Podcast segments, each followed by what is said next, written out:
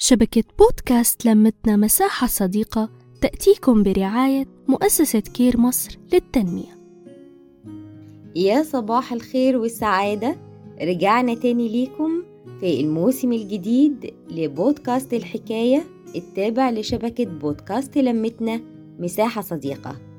بودكاست الحكاية فيه الفكرة والحكاية والمتعة والتوعية وحكايتنا غير أي حكاية.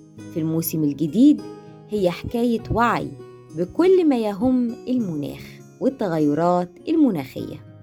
وأول حاجة هنبدأ بيها هو إيه هو المناخ؟ وإيه اللي بيحصل؟ وليه المناخ بيتغير؟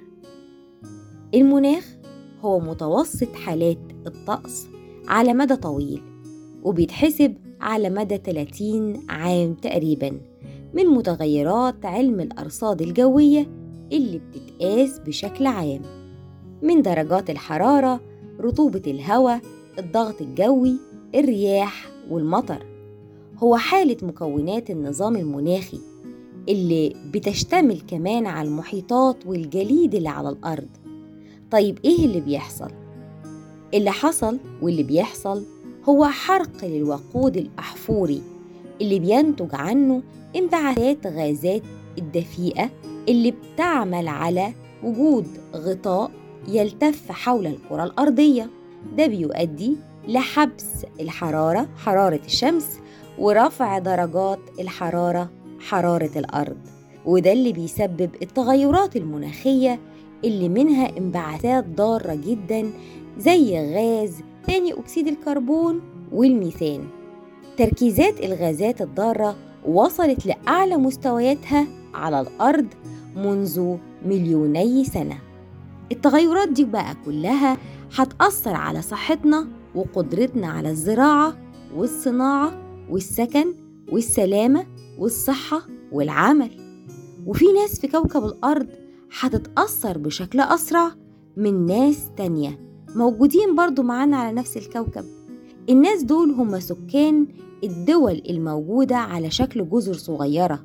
وكمان الموجودين في البلاد النامية ودول اللي هتسوء جدا ظروفهم بسبب ارتفاع مستوى سطح البحر اللي هتتسلل المياه المالحة لدرجة إن هم هيضطروا يغادروا مجتمعاتهم وأماكنهم وينتقلوا لأماكن تانية.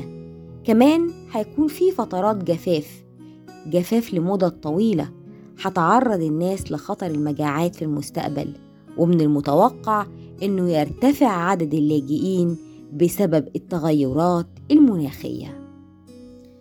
هي دي الحكاية وكلنا شركاء لإنقاذ أمنا الأرض أفراد مؤسسات حكومات مجتمع مدني.